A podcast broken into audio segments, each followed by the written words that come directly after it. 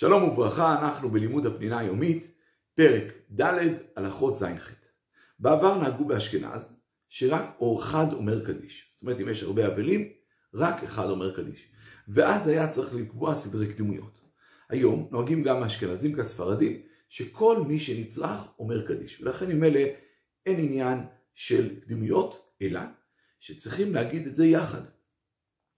ולכן, כאשר שניים או יותר אומרים קדיש, טוב שיתקבצו ויעמדו יחד ויגידו אותו מילה מילה ביחד. ואם מדובר בית כנסת גדול, ויש הרבה אבלים שאומרים קדיש, אפשר להתקבץ באזורים. אזור מסוים יעמדו שניים, עוד אזור, עוד שניים, זה גם כן אפשרות, אבל להשתדל שיהיה ייאמר ביחד, או בכל אזור ייאמר ביחד. אפילו אם כל הציבור אומר קדיש ואף אחד לא עונה, זה לא פוסל את הקדיש. אבל לכתחילה טוב שיענו לפחות שניים לקדיש, והשאר שיגידו. כאשר יש שני אבלים, ששניהם יודעים לעבור לפני התיבה ומרוצים לציבור, ועכשיו שניהם רוצים להיות אה, חזנים, כי כמו שאמרנו, תועלת יותר גדולה מהקדיש זה לעלות להיות חזן. ומי יחליטו, איך יחליטו מי החזן, על זה יש סדרי קדימיות. אבלות שבעה קודמת לשלושים, שלושים קודם לשנה, יום היורצייט קודם לשלושים. בסדר? זה הכללים הבסיסיים. עכשיו, אם הם שווים, יחלקו ביניהם את התפילות, ואפשר גם בתפילת שחרית להתחלק. מישהו אחד עד סוף תחנון, ומישהו שני, סוף התפילה, מאשרי עד סוף התפילה, יחלקו את הדברים. איש ואישה שנפטרו, והשאירו אחריהם רק בן קטן. הוא יגיד את הקדיש.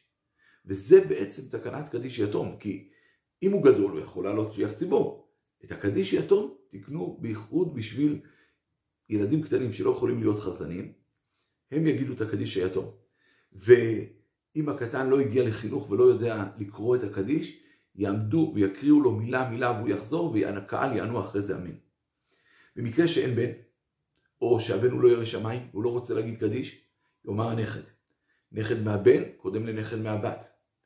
אם אין נכד יאמר החתן. כאן צריך להגיד שהנכד והחתן יאמרו אך ורק או אם מת אחד מהוריהם, או בהסכמת הורים. כלומר שההורים מסכימים שהם יגידו קדיש למרות שהם חיים.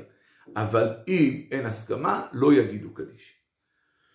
אם אין חתן, יאמר האב, ואם האב איננו נפטר, יגיד האח האח, ואם, אין, ואם האח לא, יגיד האחיין.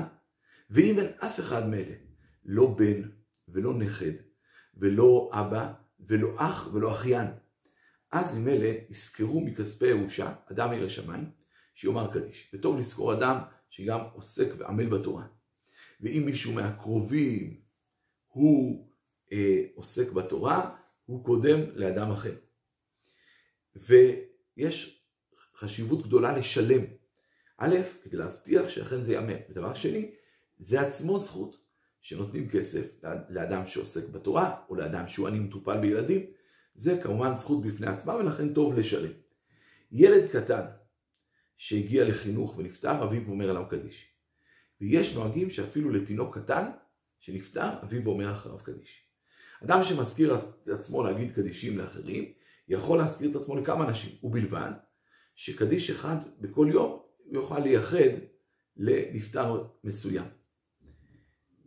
בן מאומץ אומר על הוריו, כל שכן וכל שכן שאין להם ילדים אחרים, וכן גר טוב שיגיד על הוריו הגויים, כדי שגם להם תהיה עילוי נשמה.